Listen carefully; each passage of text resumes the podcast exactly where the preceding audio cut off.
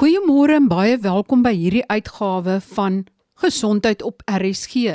Dis die laaste uitgawe van 2022 en ek wens julle sommer nou al 'n baie voorspoedige en 'n gesonde 2023 toe. Ons is tans besig met 'n kort reeks oor depressie, angs en selfdood. Maar voordat jy weghardloop, hierdie reeks gaan oor laat die lig in. Die blou lig, die suurstof om mee asem te haal. Verlede week het professor Lizet Rabbe dit baie netjies gestel deur te sê gedagtes aan selfdood en selfdood is eintlik 'n baie irrasionele proses van iemand wat aan fatale depressie ly. En depressie is 'n siekte soos diabetes. Diabetes het 'n tekort aan insulien en dit moet aangevul word. Mense wat aan depressie en angs ly, het 'n tekort aan sekere breinoordragstowwe, veral serotonien, noradrenalien en nog ander ook. En dit moet aangevul word of daai balans moet herstel word. Waarom dan nog aan depressie op 'n ander manier gedink word as aan 'n siekte soos diabetes is eintlik ontstellend en verstommend. Vandag gesels Sofia van Taak, baie bekende joernalis wat jy al baie raak gelees het in die tydskrif Weg en wat tans vers en klank hanteer op RSG oor haar depressie en hoe sy die lig inlaat. Soos Leonard Cohen geskryf het, there is a crack in everything. That's how the light gets in. Sofia, wanneer het jy die eerste keer in jou lewe te doen gehad of moes jy in die oë kyk van depressie? Het jy bewus geword daarvan? Marie, ek het 'n sterk vermoede dat ek maar van van kindsbeen af depressief was. Ek was dalk 'n bietjie meer melankolies as jou as jou gewone tiener. Maar wat jy weet jy nou, jy's 'n kind, jy weet nog nie van sulke dinge nie of jy dink jy's nog te jonk om regtig waar aan so iets te ly. Ek dink waar ek my eerste werklike knou ervaar het was in my in my vroeë 20's toe my sussie wat 'n paar jaar ouer as ek is oorlede is. Ehm um, dit was vir my 'n ontsettende skok, dit was my ontsettende groot verlies aan die persoon aan wie ek in daai stadium van my lewe die, die naaste was. My vertroueling was ewe skielik ewe skielik weg. En ek het regtig ehm um, ek het baie gesukkel om om haar dood te verwerk. En ag ek was toe nog op universiteit, ek het amper daardie jaar op universiteit gedryf ek kon glad net nie funksioneer nie en ek het in daai tyd toe nou ook gaan aanklop by 'n sielkundige op kampus en is met depressie gediagnoseer. En ja, van daar af het die die pad toe nou maar begin. Sofia, soveel so dat jy in die see ingeloop het. Ja, dit was 'n paar jaar later. Ek dink ek het vir die eerste paar jaar wat ek nou formeel met die diagnose saamgeleef het, was vir my oorweldigend. Dit was hierdie hierdie ontsettende kruis ek het nie regtig geweet hoe om dit te bestuur en ek het nie gedink daar's enige hoop of uitkoms nie. Ek het net ek het maar net as 'n slagoffer gevoel eintlik maar van depressie en ek het nog in daai stadium was ek ook maar nog baie baie diep in die rouproses oor my suster se dood. So dit dit was vir my moeilike jare, baie moeilike jare aan die aan my in my vroeë en mid mid 20's. Soveel so dat ek dit in 'n stadium begin oordink het, oorweeg het om my eie lewe te neem en dit toe ook probeer het, maar ek het ek het deur die genade dit oorleef. Ek is ontsettend dankbaar daarvoor want in retrospek besef mens baie dinge en veral later jare wat ek wat ek meer oor die siekte te wete gekom het, baie meer hulp gekry het, op die regte medikasie beland het, hard gewerk het in terapie en dis meer het ek gevoel ek ek te handle op dinge en ek kan 'n lewe saam met depressie lei sonder dat depressie meer vir my 'n lewe lei. As jy nou terugkyk op daardie jong Sofia wat so in 'n donker gat beland het. Wat wens jy het jy daai tyd al geweet? En wat sal jy vir jong mense sê wat op hierdie oomblik ook sulke donker gedagtes het? Ja, daar's baie dinge wat ek wat ek nou weet eh, wat ek destyds wou weet, Marie. Ek dink dit sou my baie gehelp het en vir my en my die mense naby my baie skok en ontsteltenis gespaar het. Ek dink die grootste ding is praat. Maar ek weet nie hoekom mense nog steeds deesdae so skaam is om te sê ek het depressie of ek sukkel of ek voel die hele tyd hartseer of hoe jy dit ook al wil verwoord nie. Dis iets waaroor ons skaam voel, ons voel swak, ons voel pateties en ons ons wil dit nie noodwendig verwoord teenoor ander mense nie.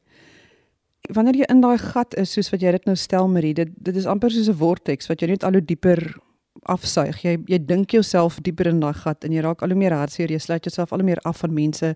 So jy wil nie noodwendig met enigiemand praat nie. Jy wil net jou kop toe trek vir dae en jou gordyne toe trek. Maar wanneer jy begin bang raak vir jou eie gedagtes en jy sal weet wanneer dit is. As jy begin agterkom die goed wat ek nou dink is regtig waar nie rasioneel nie. Jy begin tonnelvisie kry, jy raak obsessief oor die gedagte dat die dood die enigste uitweg is uit jou situasie. Dan moet jy praat, dan moet jy iewers gaan opsoek. As jy in daai stadium kontak het met 'n sielkundige, bel jou sielkundige. As jy nie 'n sielkundige het nie, bel 'n vriend of 'n vriendin. As jy nie die vrymoedigheid het om iemand bekend te bel nie, bel jou huisdokter. Maar maak dit duidelik dat jy op die oomblik 'n krisis ervaar en dat iemand moet ingryp want jy jy kan nie op die oomblik jou eie aksies vertrou nie. Want wanneer 'n mens eers met daai gedagtegang doene geraak is, dit byna soos 'n vryval en iets met daai vryval stop. Iets wat my ook later jare opgeval het, is dat 'n mens wanneer jy depressief is, baie verdwaal in jou eie gedagtes en jy dink dieselfde goed oor en oor en oor en die meeste daarvan is nie die waarheid nie. So mens moet nie als glo wat jy dink nie. Jou kop maak vir jou dinge wys oor jouself, oor die mense in jou lewe, oor jou omstandighede. Jy is geneig om baie selfkrities te wees. En ag al jou denke hardloop maar so in dieselfde ou groewe langs en dit maak jou eintlik net al hoe meer melankolies, al hoe meer negatief. Dit tap jou energie en op die ou en dit, dit dit dien jou nie. So vir my het dit gehelp om maniere te vind om wanneer ek so my kop begin te verdwaal om om uit dit uit te kom. En mense is baie geneig om om vir mense met depressie te sê ag kom net oor dit of snap out of it en dit is nie so maklik nie. Daar is nie 'n kits oplossing daarvoor nie. As jy eers regtig waar bitter angstig voel, baie wanhoopig voel en gedurig hartseer is, jy you can't just snap out of it. Maar met met klein aanpassingkies kan jy deur jou dae kom, kan jy deur daai krisis tydperk kom. Ek kan nie onthou wie dit gesê het nie, maar iemand het in eenmal gepraat van die tirannie van die onmiddellike. En ek dink dit is nogal so 'n mens voel wanneer jy in so 'n 'n diep donker gat vasval. Dit is alles oorweldigend. Maar net jy kan jouself daardeur kry. En die eerste manier wat vir gewoonlik vir my help, is om uit daai gedagtegang te kom, om dit te onderbreek en die maklikste manier vir my is om uit my kop uit terug te kom in my lyf of dit nou beteken om met my hande iets te doen of 'n bietjie oefening te kry en weer eens wanneer mens baie depressief is niemand moet nou vir jou sê ag man jy moet net begin draf of gaan gym toe. Dit is die laaste ding waarvoor jy lus het. Maar gaan stap om die blok. Ek het letterlik begin om myself elke oggend uit die bed uit te sleep en eenmal om die blok waar ek woon te stap. Dit vat 15 minute. Dit is nie so erg nie. Jy kan dit regtig vir doen, maar dit was vir my daai eerste klein oorwinningkie. Plaas van om nou as die wekker afgaan in my bed te lê en al daai gedagtes spoel so oor my en dit druk jou net so al hoe dieper in die matras en jy bly net lê. Ek sien nie kans vir die dag nie. Staan ek dadelik op nog voordat die mal gedagtes kan begin. Knoop my tekkie se veters, gaan stap om die blok. En dis 'n klein dingetjie, maar dit maak 'n massiewe verskil want dadelik is jy aan die gang en jy sien kans vir die volgende dingetjie en die volgende dingetjie en die volgende dingetjie ongeag hoe klein dit eintlik is. Jy moet jou eie cheerleader wees wil ek amper sê. Deur goeders te doen en jouself aan te spoor om goeders te doen want daar's daai gedagtes waarna ons vasval. Dit is soos 'n um, ehm, soos dryfsand. Dit gaan jou net heeltemal wat wegsink. Jy het ook begin om houtwerk te doen om jou gedagtes af te lei. Ek was in daai stadium van my lewe by by 'n sielkundige in terapie wat op baie aweregse maniere gewerk het en sy sy het geweet ek is 'n joernalis en ek werk in 'n kreatiewe um, omgewing en sy het maniere uitgedink wat wat vir my sou lekker wees om kreatief om te gaan met my dilemma. En een daarvan was om my te laat sulke poppies maak, amper soos puppets oor die die dominante negatiewe emosies wat ek ervaar. Daai goed wat ek voel altyd die stuur vat. En die die drie grootstes was my angs en my gevoel van dat ek dat ek absoluut pateties is, dat ek geen selfvertroue het nie en dan ook woede. Ek dink woede is 'n is 'n baie groot emosie vir mense wat wat sukkel met depressie en dis woede wat wat inwaarts gekeer word. Dis nie noodwendig woede teenoor iemand anders nie.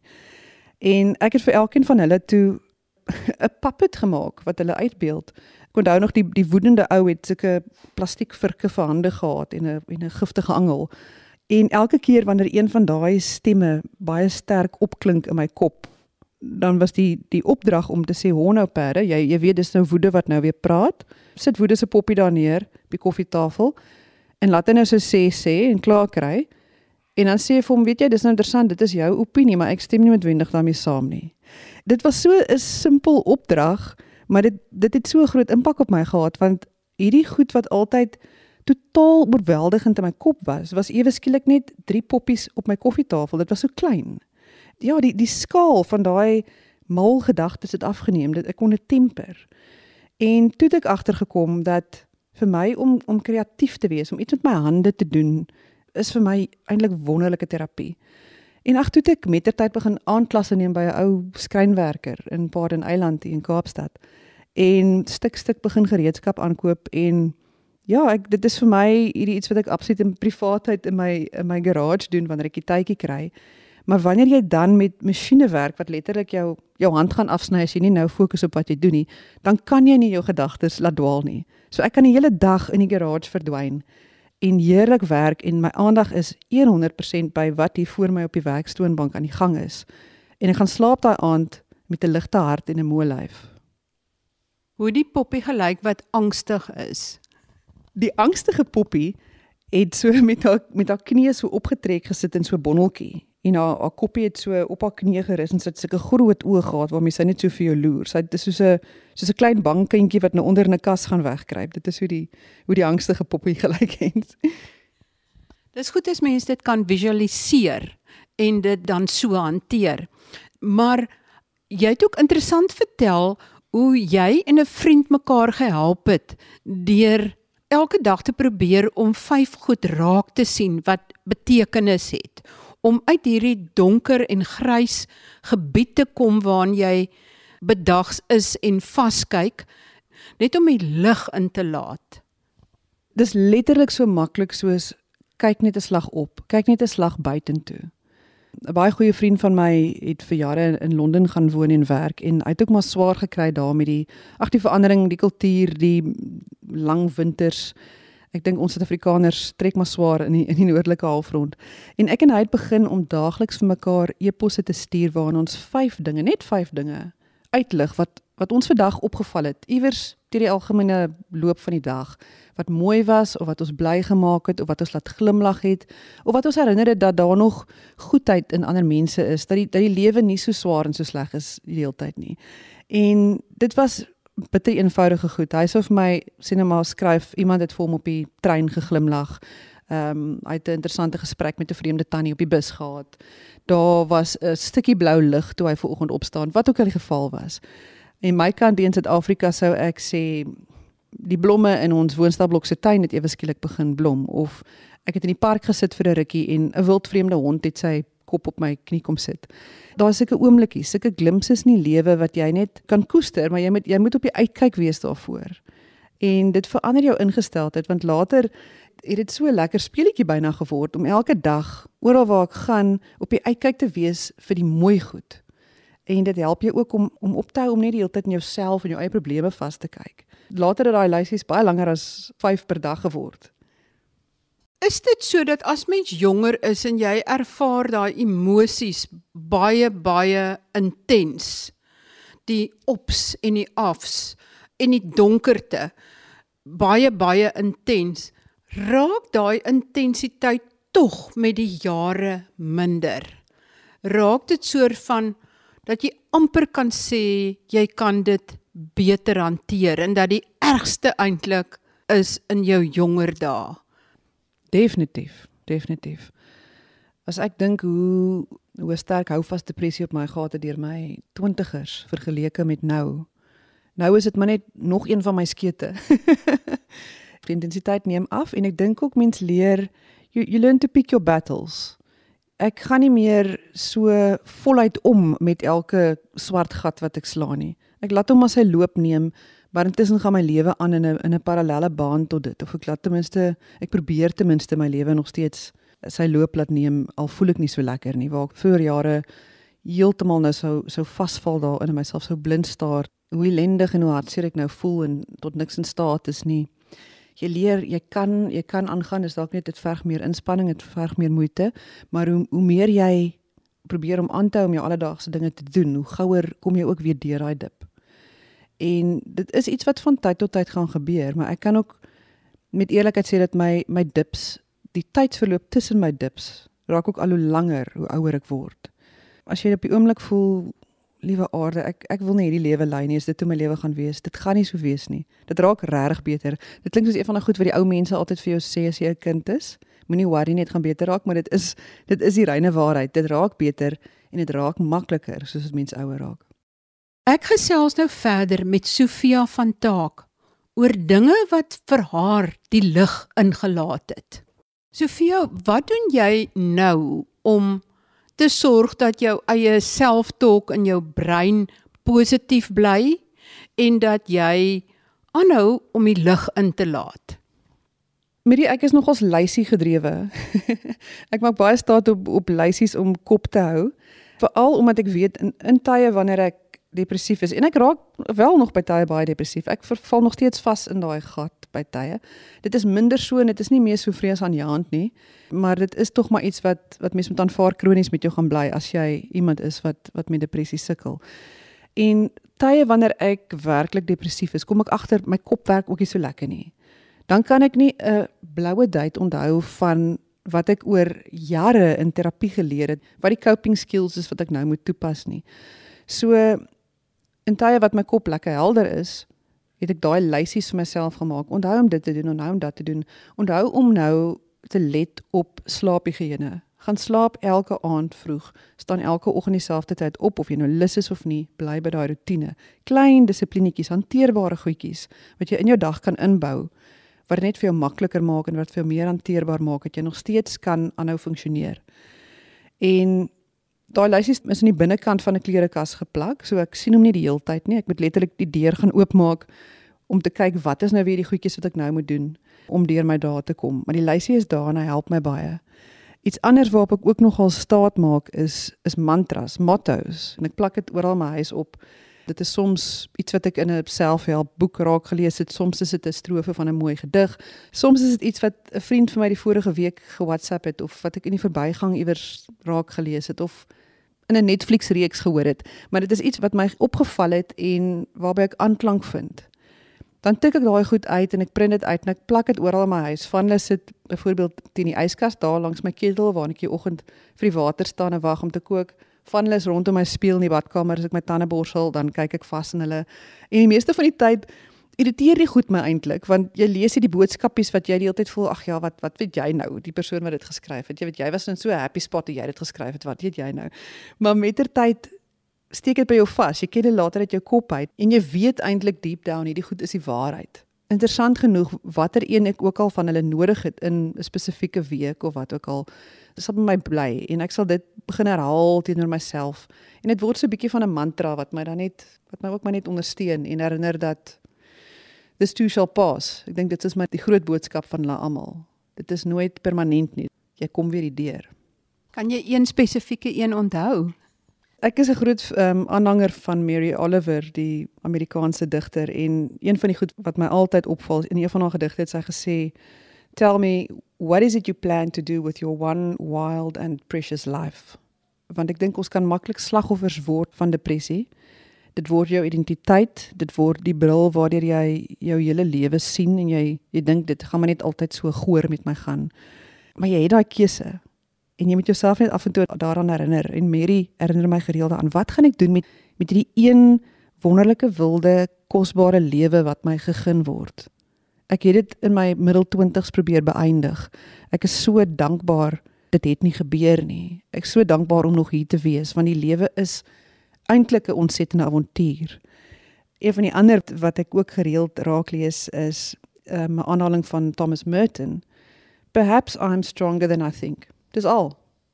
Jy moet jouself net af en toe daaraan herinner. Jy jy's dalk taaier as wat jy dink.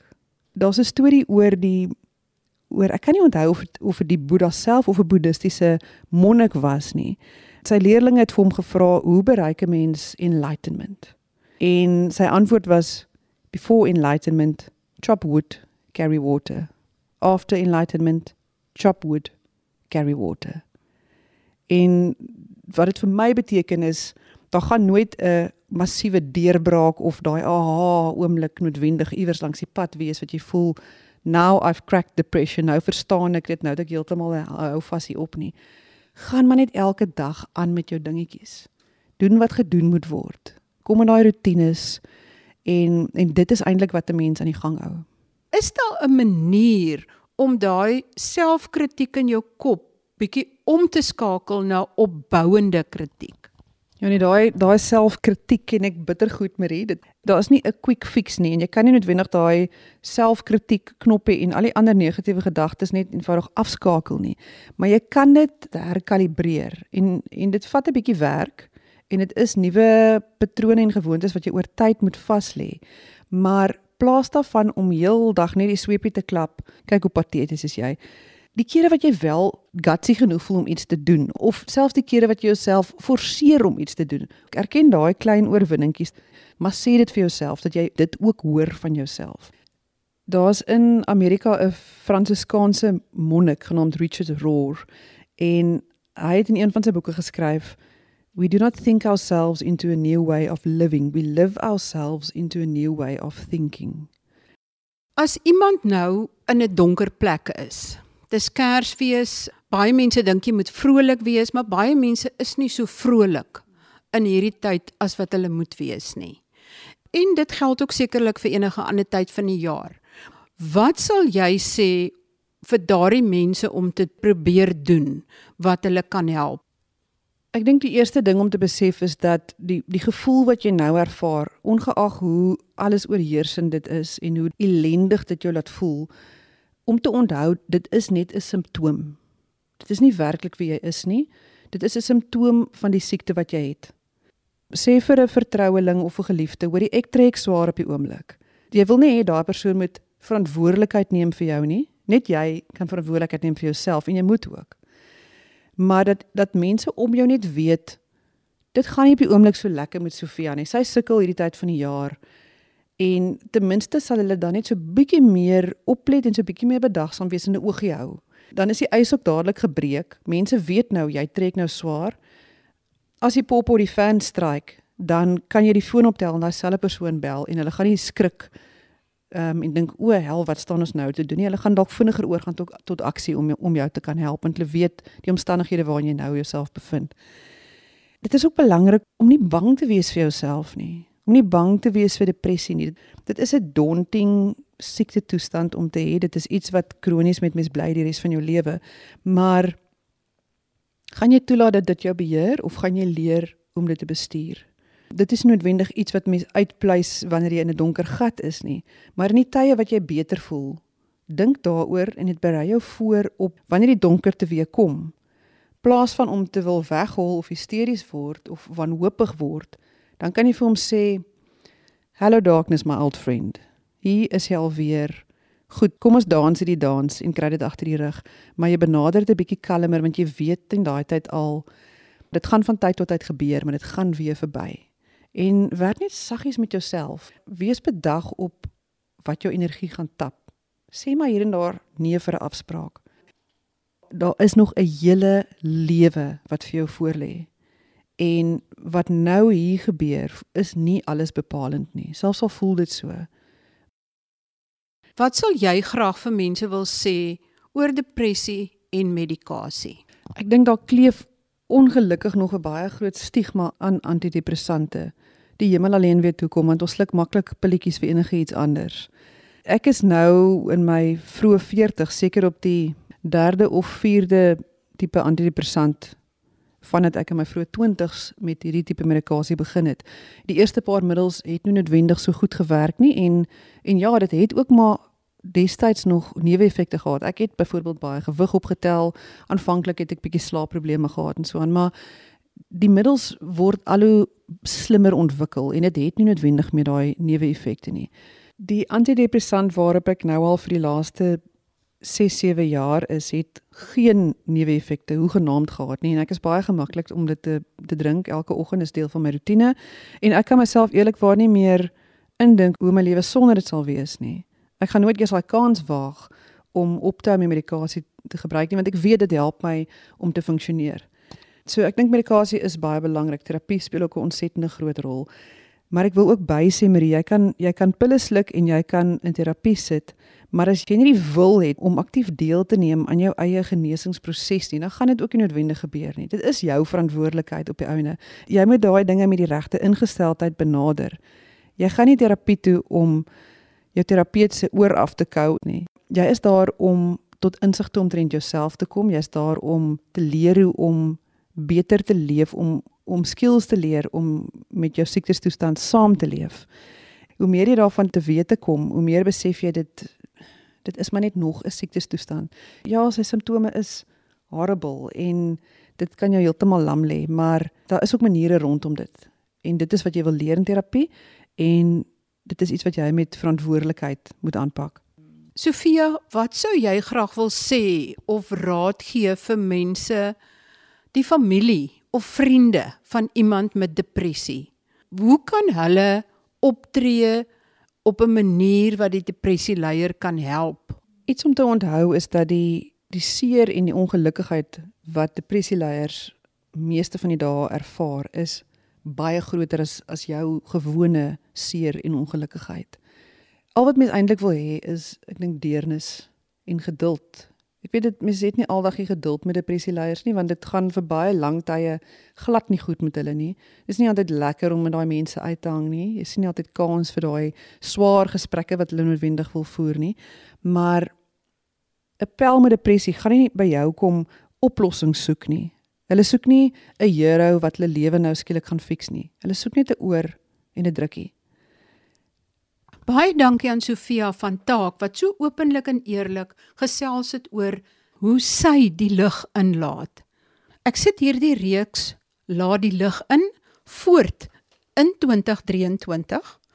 Ek wens julle baie lig en vrolikheid en insig toe in 2023. Baie groete van my, Marie Hudson.